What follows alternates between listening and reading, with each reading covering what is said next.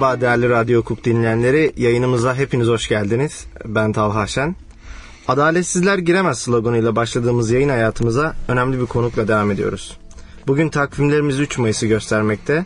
Sizlerle avukatlık mesleği hakkında konuşacağız ve programımızın bugünkü konuğu Yazıcı Legal Hukuk Bürosu kurucusu ve yönetici ortağı Sayın Avukat Hakan Yazıcı. Hakan Bey yayınımıza hoş geldiniz. Hoş bulduk.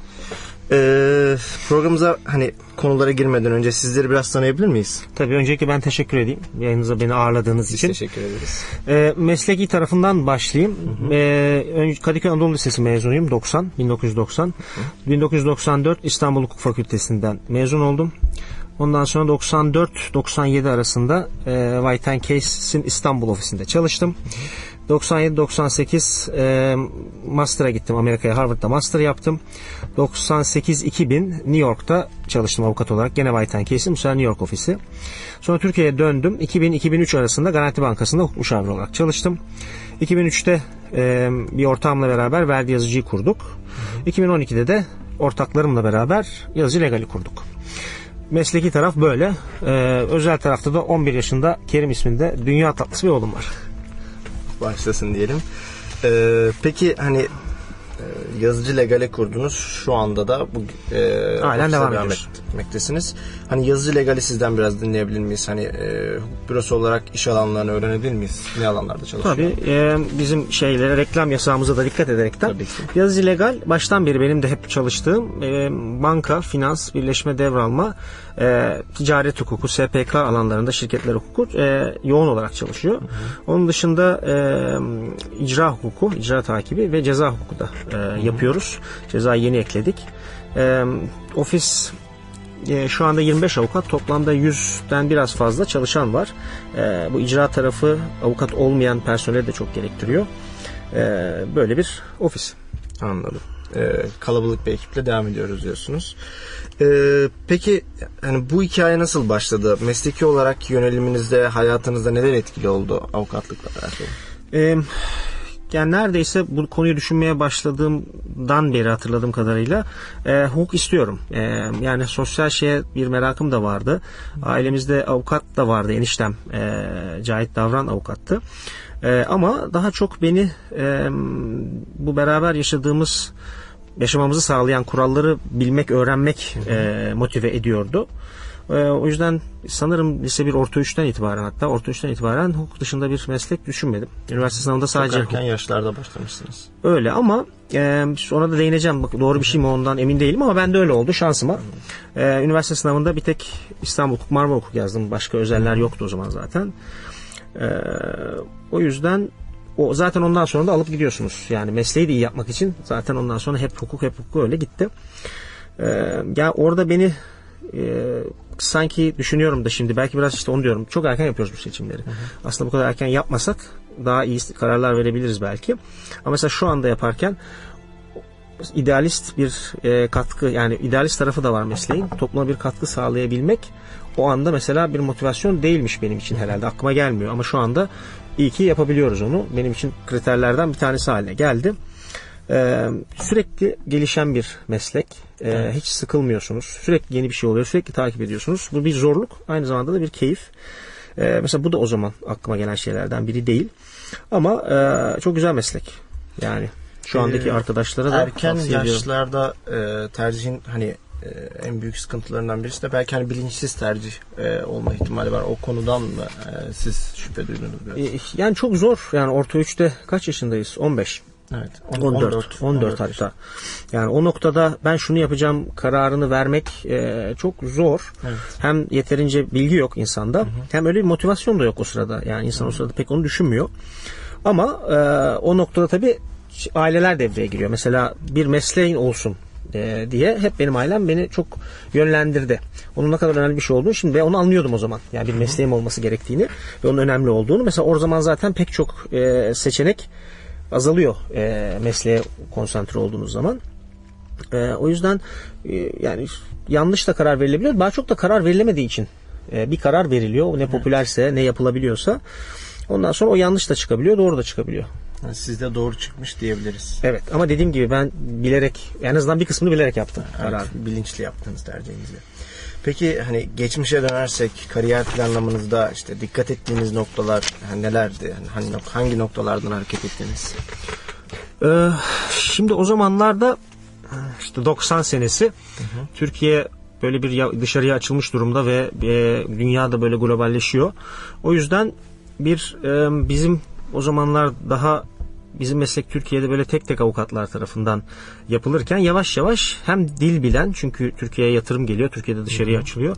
Hem dil bilen hem de e, biraz daha büyük ofislerle biraz daha bu e, yurt dışındaki e, hukuk siz şey, servisine diyeyim hukuk servisine daha yakın talepler geliyor. Yani buraya gelen yabancı kendi e, hukuk bürosunda gördüğü şeyi burada görmek istiyor. Hatta bir de Türk avukatı tutmak istiyor. Onu dediğim o, o tarafta da arıyor aynı özellikleri.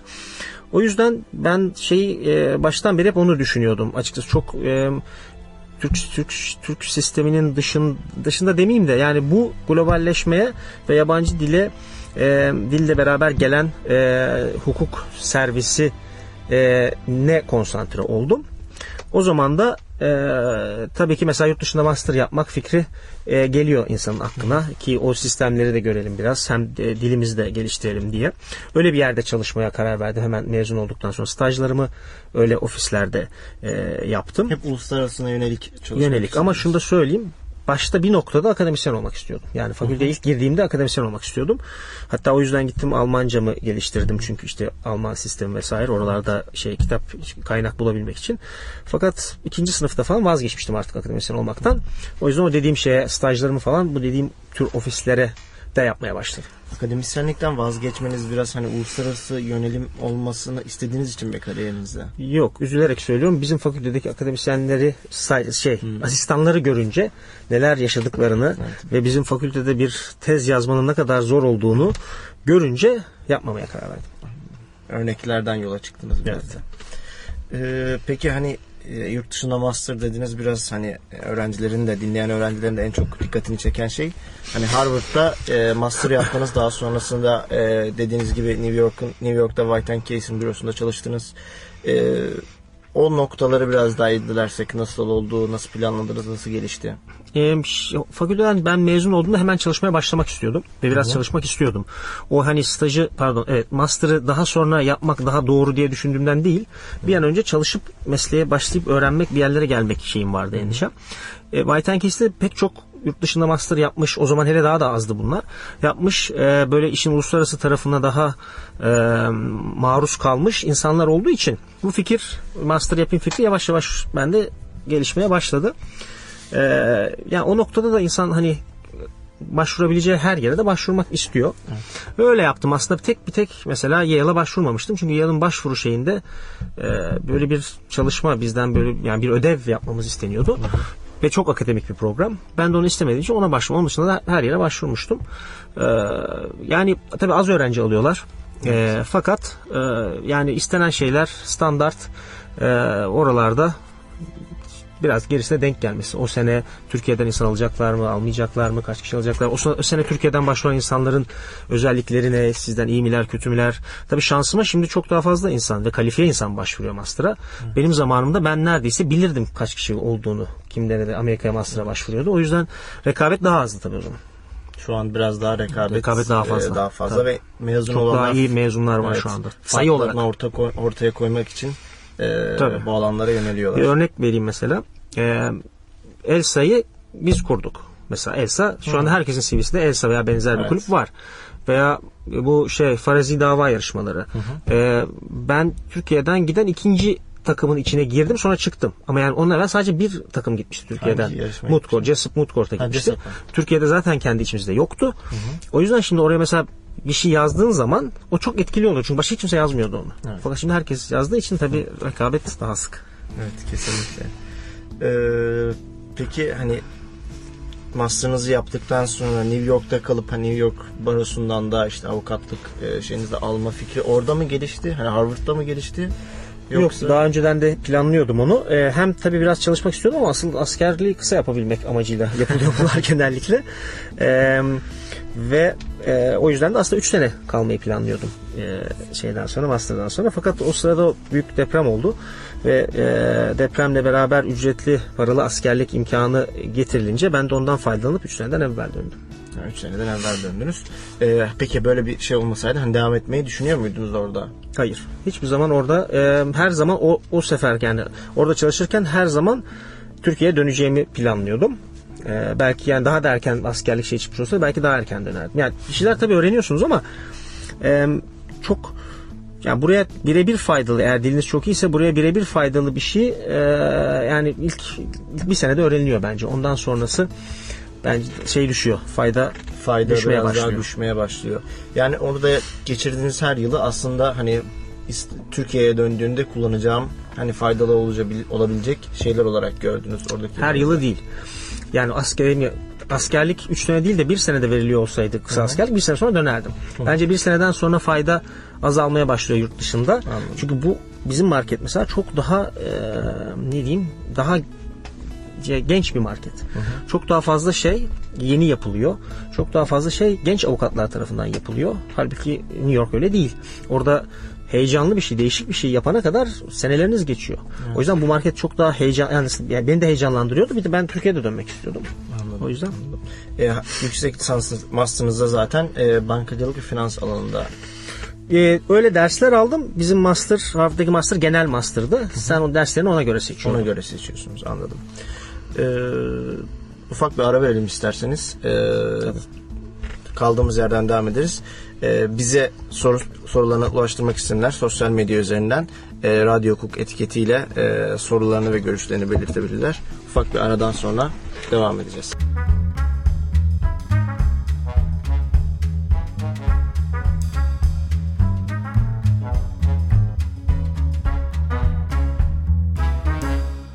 Evet sayın dinleyenler e, sohbetimize kaldığımız yerden devam ediyoruz. E, konuğumuz e, avukat Hakan Yazıcı. E, peki Hakan Bey e, biraz öğrencilik yıllarınızda e, hakkında konuşalım. Hani öğrencilik yıllarınız nasıldı? Bir İstanbul Hukuk öğrencisi olarak bize okul yıllarınızda neler yaptığınızdan bahsedebilir misiniz? Ee, şöyle bir kere bizde devam zorunluluğu pek yoktu. Hala Ee, hala yok. Ee, benim böyle şeyde azalan bir grafiğim var derse katılımda 1 2 3 4 Ee, ve artan bir çalışma grafiğim var. Yani 4. sınıfta belki pratik çalışma dışında 1 2 derse girmişimdir ama toplasanız çoktu. Aylarca şey, sınavlara çalıştım. Ee, onun dışında Bizde çok hala öyle herhalde biraz evvel sizle konuşurken öğrendim. Ee, çok böyle interaktif bir eğitim olmuyordu. O yüzden bizim böyle bir arkadaş grubumuz vardı. Çok şey iyi vakit geçirdiğimiz. Onlarla böyle kendi kendimize biz bir şeyler yapmaya çalışıyorduk. Hem çok iyi vakit geçiriyorduk. Arada da yani mesela aklıma şimdi gelen kalktık Ankara'ya e, randevular aldık. Anayasa Mahkemesi'ne, meclise, yargıtaya gittik. Sadece ziyaret için hani konuşup görmek için sistem nasıl anayasa hukuku okuyoruz vesaire. Ondan sonra öyle şeyler yapıyorduk. O zaman e, böyle müfredat dışı aktiviteler azdı ama başlamıştı. Mesela Elsa biz işte ilk kuranlardanız. E, bu Jessup Moot Court yarışması işte vardı. E, onlar ilk kez oluyordu filan. Ondan sonra başka böyle yarışmalara, makale e, yarışmalarına filan katılıyorduk. Öyle şeyler yapıyorduk. Onun dışında da işte öğrenci iyi vakit geçirmeye İyi çalışıyorduk. vakit geçirmeye çalışıyordunuz. E, peki biraz böyle ileriye sararsak e, 2005 yılından devam edelim. E, bankacılık sektöründe yoğun olarak çalışmaktasınız. E, daha öncesinde Garanti Bankası'nda da çalıştığını söylediniz. Bu sürecin başlangıcını bir hukuk öğrencisinin meslek hayatında yol göstermesi bakımından hani tavsiyelerinizi de biraz anlatır mısınız? açıkçası fakülte sırasında ki kararlar böyle bankacılık e, şey- gibi e, uzmanlaşma anlamında çok verilemiyor bence. Hatta yanlış yönlendirme de oluyor. Yani o zamanlar işte deniz hukuku derdi herkes bize. Hala herkes deniz hukuku diye gidiyor. Deniz hukuku bir türlü patlayamadı. Veya veya işte fikri mülkiyet denirdi. Tamam gelişti ama beklendiği gibi gelişmiyor. Ama kimse banka hukuku pek demezdi o zamanlarda. Bence fakültede dikkat edilmesi gereken her şeyden evvel bir kere hangi mesleğin yapılacağı. Yani hakimlik, savcılık, avukatlık kararı hep böyle biz bu hep avukatlıkmış gibi konuşuyoruz. Halbuki hakimlik, savcılığın da ne kadar önemli olduğunu şu anda görüyoruz. Ee, ondan sonra da özel hukuk ve e, işte Kamu. kamu hukuku ayrımının yapılması lazım.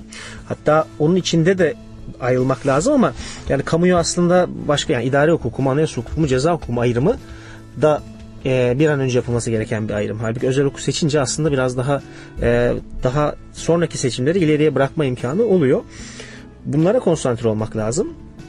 Tabii ki insanın sevdiği bir alan varsa ona e, birazcık orada uzmanlaşmaya da hafif hafif başlamak lazım. İşte spor seviyorsunuzdur, spordur, fikri mülkiyettir vesaire. Öyle şeyleri de hafif çünkü eskiden bunlar çok yoktu da Türkiye'de. Şimdi artık var. Yani bunlar alan dal olmaya başladı. Bazılarının seçmeli dersi var. Onlardan biraz takip etmek lazım ama en büyük konsantrasyonun temel şeyleri özelse işte medeni hukuk, borçlar hukuku, ticaret hukuku bunları öğrenmeye verilmesi lazım. Her şey onların üzerine kuruluyor. O yüzden e, okulu öyle iyi kullanmak lazım okul fırsatını. Ee, peki bu hani özel olarak alanlaşma daha çok meslek hayatına geçtiğiniz alanları iyice tanıdıkça e, netleşiyor. Daha anlamlı bir kere. Ondan sonra bir de e, Türkiye'de hala o kadar uzmanlaşmaya e, benim de beklediğim kadar ihtiyaç da olmuyor. Hatta o kadar uzmanlaşma bazen bir handikap da olabiliyor. Yani tabii ki temel dersleri çok iyi bilmek lazım ki onun üzerine diğerleri inşa olsun ama yani ben sadece fikri mülkiyet yapıyorum diyen ofis sayısı hala benim tahminimden daha az. o yüzden e, onu böyle biraz daha ileriye bırakma lüksümüz de var diyelim e, şeye e, içinde olduğumuz duruma.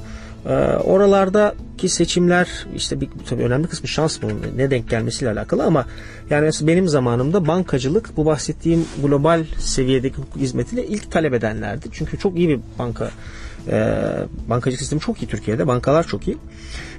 ve ilk bu yatırımları yani hem dışarıya açılan hem dışarıdan içeriye gelirken o ilk onlar karşılaştılar bu hizmetlerle. O yüzden bankacılık ve finans sektörü e, o bakımdan da benim içinde bulunduğum o ofisleri daha çok aradığı için de ben de onların içine girmiş oldum. Anladım. Ee, bu peki ofislerden önce Garanti Bankası'nda çalışmanız e, o size böyle bir şey? Çok. Yani o herhalde bu bütün bu kariyer şeylerinden bir sürüsü insan böyle çok fark etmeden kendi kendine veriyor zaten. Doğrusu bu gibi hissediyorsunuz eğer bir kararlar verildiyse.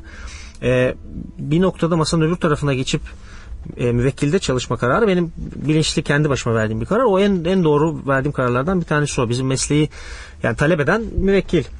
Ee, bizim yaptığımız tip şeyde e, hukukta talep eden müvekkil. Müvekkil ne istediğini siz bildiğinizi düşünüyorsunuz ama masanın öbür tarafına geçmeden de tam da bilmiyorsunuz aslında. Ee, benim şansıma da Türkiye'nin 2001 krizinden geçti. Ben bir bankadayken Türkiye'nin en büyük bankalarından biri. O krizi bir bankanın içinde yaşamak çok şey öğretti bana. Hukuk dışında da. O da benim şansım. Biraz doğru yerde doğru zamanda Aynen doğru yer doğru zaman çok önemli. önemli diyorsunuz peki. Ee, biraz da hayaller, hedefler doğrultusunda bir sorumuz olsun isterseniz. Şu an bulunduğunuz konumunuz e, öğrencilik yıllarınızdaki hedeflerinize uyuşuyor mu? Hani akademisyenlik olmak dediniz, daha sonrasında vazgeçtiniz. Hani planladığım bir hayatı yaşıyorum mu diyorsunuz yoksa bu konuda biraz daha hani hayatın akışında işte güzelliklerini arayan biri, biriyim diyebilir misiniz?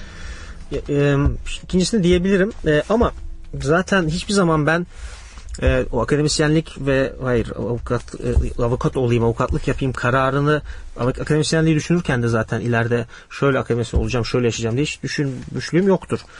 Yani bir hayaller hep var ama yani onu böyle bir bu kadar detayda yani iyi avukat olun diye de hayalde nasıl kurulur bilmiyorum ama yani öyle şeylerim yoktu. Yani nasıl olunur? Çok çalışarak olunur ama çalışırken de sürekli bir şey öğrenirken de insan hem keyif alıyorsunuz hem ispat ediyorsunuz kendinizi. Öğrendikçe sorumluluk artıyor. Sorumlulukla beraber iyi yapayım diye de öyle giden bir şey bu. Yani şu böyle yaşardım, şöyle yaşardım. Açıkçası bana o zaman sorsaydınız bunların hiçbirini anlatamazdım. Yani kendi ofisim olsun mesela insan düşünüyor onu ama yani böyle illa olacak gibi de düşünmüyordum. Kaldı ki çok zorlaşıyor gittikçe kendi ofisi olma hikayesi. Yani bir sürü öğrenci arkadaşın benim karşıma çıktıklarını görüyorum. Bu e, çok onları düşündüren belki hayallerin bir parçası ama bu dediğim e, büyük ofislerle yapılan global hukuk servisi e, türü işleri küçük ofislerde yapmak çok zorlaştığı için kendi ofisim hikayesi zorlaşıyor gittikçe. Evet. Orada hayallere bir şey eklemek istiyorum. Hayalleri ya biz hep yapmadığımız şeylerin hayalini kuruyoruz. Hayal öyle bir şey. Halbuki neleri yaptığımızı görüp de dönsek aslında hayal ettiğimiz yaşamı belki de yaşadığımızı görüyor olacağız. Yani biraz orada kendimize haksızlık ediyoruz. Evet biraz sürekli ileriyi düşündüğümüz için, ileriye yönelik çalıştığımız için anı kaçırabiliyoruz. Evet, belki işte kaçırabiliyoruz. dönsek 5 sene evvele baksak şu anda içinde olduğumuz durum zaten hayal ettiğimiz şey. Ama onu dönüp de hatırlamıyoruz. İşte ben de şimdi hatırlamıyorum ne hayal ettiğimi. Peki hani e, küçük büroların global e, glo- global işler yapmasında zorlandığını söylediniz. E, siz büroyu kurarken biraz da hani e, global işler yapan büyük büroların sayısının azlığı veya sektörün işte bu konuda daha böyle e, az rekabetçi olmasının sizin yararınızaydı. Avantajlı tabii. Avantajlı, avantajdaydınız. O yüzden e, sizin bu girişiminiz biraz daha şey oldu. Evet bir de Garanti Bankası'ndan çıkınca bir tane hazır müvekkile çıkıyorsunuz. O da çok Ha, büyük tabii avantaj. ki. Tabii. Aynen. Öyle başladıktan sonra gerisini getirmek daha kolay. Anladım. Ee, şu- peki hani şu an hukuk, bizi dinleyen hukuk öğrencilerine avukatlık mesleğini tanımlamanızı istesek hani kendi duygularınız ve tecrübeleriniz ekseninde bize nasıl aktarırsınız? Yani şimdi özellikle günümüzde yani çok ciddi kamu e, ve topluma olan e, katkı ve de toplumun e, duyduğu ihtiyaç anlamında o tarafı çok daha ağır basmaya başladı. Bende mesela o oluyor şu anda o his hissinizde dediğiniz için. Yani tabii ki yani müvekkilinizin hakkını koru- koruyorsunuz. Bu kuralların e, uygulanabilmesini e, sağlamaya çalışıyorsunuz. Ama şimdi çok ciddi bir görevimiz de var. Hukuk devleti olmayı devam ettirebilmek için çaba göstermek. O yüzden ben çok tarif edemiyorum. Yani şey e, dediğim gibi ben belki 10 sene evvel sorsaydınız başka şeyler söylerdim. E, o yüzden e, yani arkadaşlar mesleği seçerken bazen şunu görürdüm. Aslında bunun bu idealist tarafı bizim mesleğin e, çok da olmayacak gibi hisseden staja gelen arkadaşlar falan da hissediyorlar. Yani e, o şu anda çok daha fazla hissediliyor işin e, kamu yararı tarafı.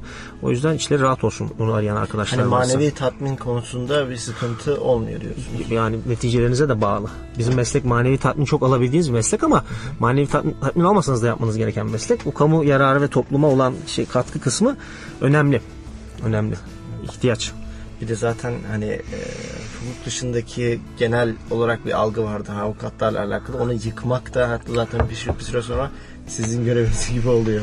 Hani Yani bilmiyorum artık sizin göreviniz değil. Biraz bizim görevimiz, evet. Ee, peki biraz hani güncele e, dön- dönelim diyorum. E, son dönemlerde özel üniversitelere hani hukuk fakültesi üzerinden biraz eleştiri getiriliyor.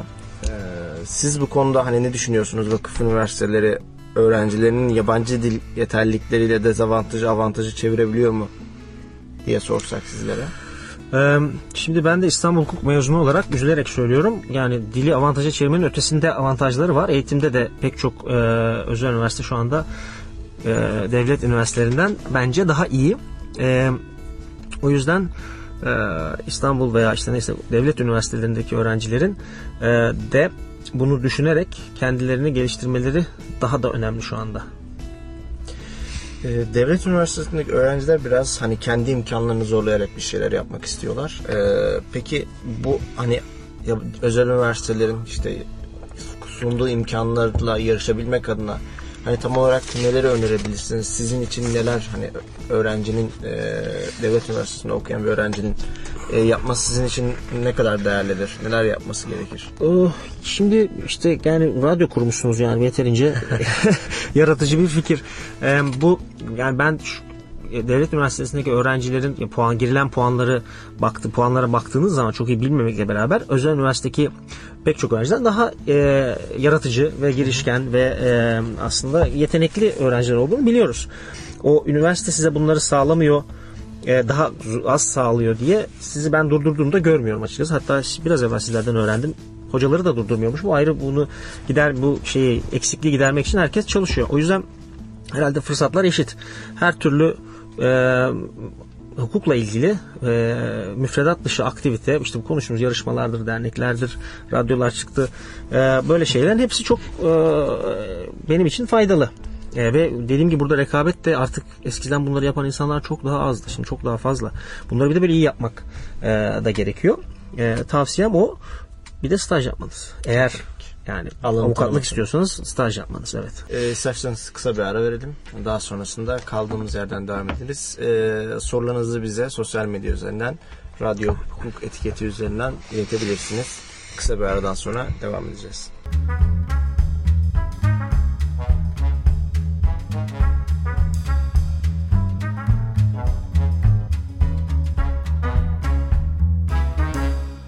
Yayınımıza kaldığımız yerden devam ediyoruz. Ee, Hakan yazıcıyı e, konu, stüdyomuzda ağırlıyoruz ve avukatlık mesleği hakkında konuşuyoruz. Hakan Bey isterseniz biraz Twitter üzerinden gelen sorularla devam edelim. Tabii. Ee, Seriye Kaferi sormuş. İngilizce dışında öğrenilmesi gereken başka bir yabancı dil öneriniz var mıdır? Ee, öncelikle İngilizce dışında e, başka bir yabancı dil öğrenilmesini gerekli bulmuyorum. Yani özel durumları şey, yani saklı tutarak tabii. Ama ya, eskisi kadar mühim değil İngilizce dışındaki diller ve İngilizce iyi konuşmak e, öbürlerinde biraz konuşmaktan çok daha mühim. E, ama onun dışında illa bir şey seçilecekse yani herhalde Çince, İspanyolca yani çok konuşulan ve hani şey muhatap olacağımız ileride diller gibi düşünülebilir ama çok yani ona harcanan vakit yerine daha iyi medeni hukuk bil çok daha kıymetli bence. Yani orası hepsi bitse peki o zaman hani ve vaktimiz olsa veya belki yeri değil ama onun yerine başka bir dalı biraz öğren. Yani insana anlatan, anlatan, toplum anlatan veya sana keyif aldıran işte ben şimdi psikoloji merakı çıktı bende. Psikoloji öğren. İnsanı öğren ki muhatabını çok daha iyi bil hem de yani hayatı da kendin de daha iyi bil. Veya sosyoloji veya felsefe, sanat tarihi neyse bu. Ya o çok daha anlamlı bir uğraş bence. Bir dil daha öğrenmeye çalışmakta. Özellikle dil zor öğrenen insanlardansınız. Kesinlikle. Ee, siz Almanca öğrenmiştiniz. Ee, Dediğim gibi akademik olmaya, akademisyen olmayı düşündüğüm zaman bizim kaynaklar Almanca bulunabildiği için e, o yüzden düşünüyordum. Yoksa yüzden akademisyen olup Almanca bilmeyip akademisyenlik bizim özel hukukta çok zor oluyordu o evet. zaman. Kesinlikle. Ee, Yasin Korkmaz'ın bir sorusu var. Hakan Bey'in e, koyu Fenerbahçeli olduğu söyleniyor. E, Stajyer avukat alımında buna dikkat ediyor mu diye bir sorusu var. Valla yani hayır diyeceğim ama herhalde bilmiyorum yani bilinç altında ediyor muyum ama Hani e, formayla falan gelsek diye. Yok. Formayla gelirseniz büyük ihtimalle kabul edilmezsiniz. Ee, ama normalde de sormuyorum kimsenin takımına.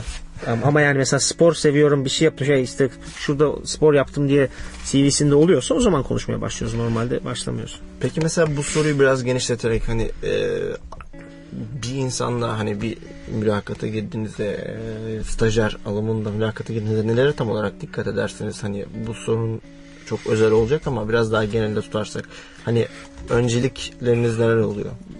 Yani zaten görüşme noktasına geldiğiniz insanın e, CV'si belli bir standartta oluyor. E, orada dikkat edilen şeyler e, işte not ortalaması olsun, e, işte dil olsun, e, bahsettiğim bu ekstra faaliyetler olsun. E, onlara hep bakıyoruz ve bir elemeden sonra zaten bizim önümüze geliyor. E, benim için o zaten interview sırasındaki o insanı gördüğünüz zaman bir elektrik oluyor veya olmuyor. E, o çok mühim. Onu da yani, e, yani bir- birebir karşılıklı kalmadan da anlayamıyorsunuz zaten.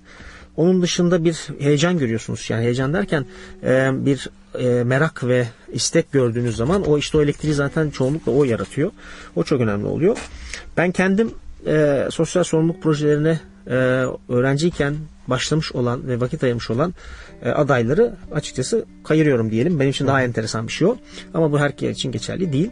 E, öyle. Ondan sonrası da açıkçası çalışmadan da hiç anlaşılmıyor. Beraber çalışmak lazım. Biraz iş tecrübesi Tabii. edindikten sonra Hayır beraber o insanla çalışacaksınız. Ha, o, tamam. o zaman Yani. O kişiyle Aynen. iş tecrübesi edindikten sonra. Ee, peki Ramazan Sarı sormuş. Ee, diksiyon, beden dili eğitimi almalı mıyız? Sizce avukatlıkta bunlar ne derece önemli diye sormuş. Yani ya, ya- ya, önemsiz değil herhalde ama ben bunun dersini al bilmiyorum nasıl dersleri zaten de ben almazdım. Dediğim gibi bunun yerine bir daha iyi borçlar okuyabilirim çok daha kıymetli bence. Ha, pratikte Ama tabii- kullanımda daha önemli Yani tabii kesinlikle. belki bunu eğitime ihtiyaç duyan arkadaşlar için belki çok diksiyonu kötü veya vücudunu hiç kullanamıyorsa o zaman almak lazım herhalde ama ben karşılaşmadım öyle insanlarla pek. Ee, peki Harun Emre Yıldırım sormuş. Oğlunuz da oğlunuzun da avukat olmasını ister misiniz? O zor soru. Şöyle bizim mesleğin e, ya bir kere ne istiyorsa onu ne yapmak istiyorsa onu olsun isterim. E, o hepsinden daha mühim. Bizim meslek çok güzel meslek ama çok büyük bir dezavantajı var ve aslında o yüzden hani bana soruyor olsa büyük ihtimalle seçme derim. Global bir meslek değil bizimkisi. Yani sadece Türkiye'de yapabildiğiniz meslek. Ve bütün dünyada da böyle. Hadi yani işte New York hukuku ve İngiliz hukuku biraz daha sağda solda yapabiliyorsunuz böyle expert gibi yaşayarak da. Ama değil yani o aslında sadece o lokal şey ve yani bir dünya hukuku olmayacak bizim e, hayatımızda büyük ihtimalle. O zaman da başka yerlere hareket edemiyorsunuz. Dünya çok daha kolay hareket edebildiğiniz bir hale geldi. Fakat siz burada kalmak zorunda kalıyorsunuz. Ben şimdi işte New York avukatıyım. New York'ta çalıştım. Üzerinden 17 sene geçti. Şimdi gitsem işte böyle eğitimler var onları tamamlayıp hemen başlayabilirim. En az 15 sene belki 20 sene geri giderim. Buradaki kıymetime göre orası. Ee, ki bu oradaki baroya kayıtlı olmama rağmen. Onun dışında yani biz mesleğimizi sadece yaşadığımız yani barosuna girdiğimiz ülkede yapabiliyoruz. Çok büyük dezavantaj. Biraz yerel bir e, meslek. Biraz değil, çok. Tamamıyla Full, yerel. full yerel bir meslek. Peki hani siz hayalinizde hani uluslararası anlamda hani ne gibi e, ne alanda çalışmasını isterdiniz çocuğunuzun? O hiç bilmem. Ne seviyorsa onu Ne yapsın. seviyorsa, Ne seviyorsa onu yapsın. Aynen. Mesleği olmasını isterim ben de. Çünkü büyük avantaj meslek sahibi olmak. Anladım. Peki e, biraz hani iş hayatınıza dönelim isterseniz. Piyasada birçok yani üst düzey bürolara göre daha az sayıda avukatla beraber çalışmaktasınız. Hani niteliğin sizin için nicelikten önce geldiğini hani söyleyebilir miyiz? bir kere yüzde yüz nicelik nitelikten daha önemli. Zaten e, kalite yoksa arttırırsanız e, ofisi büyütürseniz o zaman zaten kötü iş yapmaya başlıyorsunuz. O zaman e, zaten sonra hemen küçülmeniz gerekiyor. Çünkü vekiller de ona göre reaksiyon gösteriyorlar. O yüzden nicelik çok önemli. Yani çok iyi bir ekiple çalışıyorum. Büyük şansım. Yani ben de seçmeye dikkat ediyorum ve e, onlara bir şeyler katmaya dikkat ediyorum. Orada da birazcık şans e, devreye giriyor. Ve yani 25 şehir dediğim gibi ofis kalabalık icra yüzünden ama yani 25 avukatla e, çok e, yani biraz tabii şey de yani piyasada bir süredir daha yavaş gittiği için e, 25 avukatlık bir büyüklük şu anda bence iyi ama e, bu yani niceliğin ne kadar önemli olduğunu e, değiştirmiyor. Nitelik şu pardon niteliğin ne kadar önemli olduğunu değiştirmiyor. Nicelik şöyle önemli. Bazı büyük projeleri e, belli bir sayıda avukatınız yoksa alamıyorsunuz zaten. O yüzden belli bir şey de gerekiyor bazı büyüklükteki projeleri yapmak için. Yani sadece ihtiyaç olduğu anda siz büyüme ihtiyaç şey, büyüme Hep böyle oluyor zaten. Yani ihtiyaç hep şey taleple geliyor yani müvekkilden görüyorsunuz ve büyüyorsunuz genellikle. Bizim şey e, icra tarafı farklı ama şey tarafı öyle. E, benim danışmanlık dediğim taraf öyle. Anladım. Peki e, bunun devamında e, çalışma arkadaşlarınızı seçerken nelere dikkat edersiniz? Hani vakıf veya devlet üniversitelerinde ayrı tuttuğunuz bir kriteriniz var mı? Bunu konuştuk. Ben yani orada dediğim gibi artık bazı yerlerde vakıf öne geçiyor. O yani ben üniversitesine çok yani bakmadan o CV iyiyse zaten e, oradan e, öyle e, başlıyorsunuz zaten sürece. Fakat yani olabildiğince şimdi yol arkadaşı seçerken tabii beraber çalışırken karakter çok önemli. Onu çalışırken görüyorsunuz. Her şeyden daha önemli benim için. Doğru karakter. Çalışma merakı, isteği, arzusu, çalışkanlık çok önemli. Tabii hukuk bilgisi de öyle ama onun bir kısmında öğre, yani çalışırken öğrenildiği için o öğrenebilme merakı ve e, yetisi e, benim için çok önemli. Orada da bir de fikir yürütme ve düşünme giriyor işin içine. Hemen zaten düşüne, düşünen ve fikir yürütebilen insan öne çıkıyor. Onlar işte bu benim ekibim de yani onlara dikkat ederek hep seçtim. Dediğim gibi şanslıyım da bence. Peki. Ee, hep iş üzerinden konuştuk biraz. İş hayatınız dışında hani ne gibi işlerle e, meşgul olmaktasınız? Hani Fenerbahçe hayranı olduğunuzu biliyoruz, taraftarısınız. Hani bu konuda biraz bahsedebilir misiniz? Tabii Fenerbahçe hayran değilim. Fenerbahçe taraftarıyım. Şey, Basket takımının hayranıyım bu aralar ama yani mesela futbol takımının hiç değilim. Ee, ben yani kendim bildiğim bile Fenerliyim. Benim e, dedem, büyük babam Fenerbahçe kalecisiydi, başkanıydı eskiden. E, o yüzden bizim aile hep böyle başka takım tutanlar çok azdır. E, ve spor da seviyorum. ve o yüzden evet Fenerbahçe hala basket ve futbol maçlarını e, takip ederim ve giderim buradaki maçların neredeyse hepsine. Ee, o yüzden ve de yani Fenerbahçe Türkiye'deki en büyük sivil toplum kuruluşu ve diğer büyük futbol kulüpleri de öyle. Yani o yüzden bu, bu sosyal sorumluluk anlamında da çok önemli bir e, önemli bir noktada bizim şey spor kulüplerimiz. Onun dışında oğlum Kerim dediğim gibi yani siz Fenerbahçe'ye başladınız diye onunla devam ettik. Oğlum Kerim e, en diğer vaktimin en önemli, en keyifli tarafı spor yaparım çok. Pek çok değişik spor yapıyorum ve e, bizim meslekte de rahatlayabilmek için, kafayı rahatlatabilmek için sporun önemli bir e, imkan olduğunu düşünüyorum. E, okuyorum. Arada şimdi son 4-5 senedir daha fazla okuyorum. Psikoloji çok okumaya başladım. Ondan sonra onun dışında müziğe de merakım var. E, ve de dediğim daha evvel şeyde bahsetmiştim. Önem verdiğim konularda sosyal sorumluluk projelerine de çok vakit ayırıyorum. Ee, isterseniz kısa bir ara verelim. Ee, daha sonrasında e, yavaş yavaş toparlayalım programı. Ee, iletmek istediğiniz soruları tekrar sosyal medya üzerinden, radyo hukuk etiketi üzerinden bizlere iletebilirsiniz. Kısa bir aradan sonra devam edeceğiz.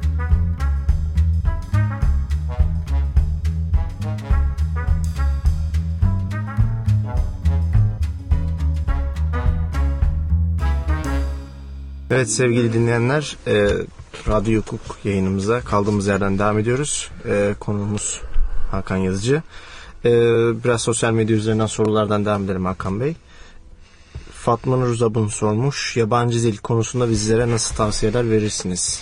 Daha evvel söylediğim yani İngilizce çok daha önemli. O yüzden iyi bir İngilizceye konsantre olup diğer dillere daha az e, ben önem veriyorum. Onu tavsiye ederim. E, onun dışında İngilizcenin güzel tarafı şu. Hep etrafta duyduğumuz bir dil- olduğu için öğrenmesi de ve geliştirmesi de daha kolay diğerlerine göre. E, bol bol İngilizce gazete, dergi okumalarını, yanlarında küçük bir sözlük bulundurmalarını ve bilmedikleri kelimelere bakmalarını, e, filmlerde altyazısız seyretmeye çalışmaları şu anda televizyonda çok var bu imkanlar ve öyle sürekli uğraşmalarını e, tavsiye ediyorum. Anlama e, ve yazma e, konuları çok hızlı ilerliyor. Konuşma e, daha pratik gerektiren bir şey ama yani uğraşsınlar. Kolay öğrenilen ve ilerletilen bir dil İngilizce. Ee, sizin için hani anlamam, yazma mı daha öndedir veya konuşma mı daha öndedir diye bir soru sorsak. Yani şöyle söyleyeyim konuşma daha zor gelişiyor. Daha e, o yüzden belki az önemsediğimden değil de olmamasını daha az e, önemsiyorum diyelim. E, ama anlamak her şeyden önemlisi anlama. Ona, ona çok yakın veya belki de eş seviyede de ondan sonra yazma. Anladım peki. Ee, İstanbul'da okuyan bir öğrencinin ileride Antalya'da veya Bursa'da avukatlık yaptıktan sonra İstanbul'a dönmesi sizin için bir eksi olur mu? Bir işveren olarak ve meslekte çalışan bir avukat olarak. Hayır. Ne iş yaptığı önemli benim için. Orada ne iş yaptığına bağlı olarak benim ihtiyacım olan e, bir işi yaptıysa onun tecrübesi açısından hiç fark etmez. Yani nerede yaptığının hiçbir önemi yok sizin için. Peki. Ee, yavaştan isterseniz yayınımızı toparlayalım. Ee, Adaletsizler giremez mottosuyla kurulan ve ekibin gücünü mahallesine, semtine, 90'ların son son kuşak çocukluğuna dayandıran radyo hukuk hakkında neler düşünüyorsunuz? Ee, ya iyi şeyler düşünüyorum. Bir kere dediğim gibi çok yaratıcı bir fikir. Onu sevdim. Mottomuz çok güzel. Onu sevdim. Ee, yani işte dediğim gibi dikkatli olun bu şeye. Ya- yani yayınınızda yani işte yani bizim için önemli olan burada tabii reklam mesela onun dışında da sizi şey yapacak bir şey yoktur. Her yayının uyması gereken standartlara uyuyorsunuzdur. Ama başarılar diliyorum. Beğendim çok bu fikri. Teşekkür ederiz yayınımıza katıldığınız için Ben ve bizi desteklediğiniz için. Ee, evet bu, bu yayınımızın da sonuna geldik. Radyo Hukuk'ta bize ayrılan sürenin sonuna geldik. Bugün yine Radyo Hukuk stüdyolarında çok değerli bir konumuzla birlikteydik. Ee, legal e, Yazıcı Legal Hukuk Bürosu kurucusu ve yönetici ortağı Sayın Avukat Hakan Yazıcı e, bizimle beraberdi. E, kendisine hukuk alanında e, mesleki olarak merak ettiğimiz soruları yönelttik. İlk yayınlarımız olması hasebiyle avukatlık alanında derin konulara girmeden e, tüm, tüm hukuk öğrencilerine e, yönelen konular üzerinde konuştuk. Umarım e, önümüzdeki dönemde seri yayınlarımızda da avukatların çalışma alanları özelinde güncel konular üzerinden programlar size sunabiliriz. E, bu program bu sezon için e, son programımızdı. E, Eylül itibariyle yeni programlarla e, ve detaylı e, konularla e, sizlere e, sizlerle beraber olacağız. Tekrar görüşünceye kadar adaletle kalın. İyi akşamlar. İyi akşamlar.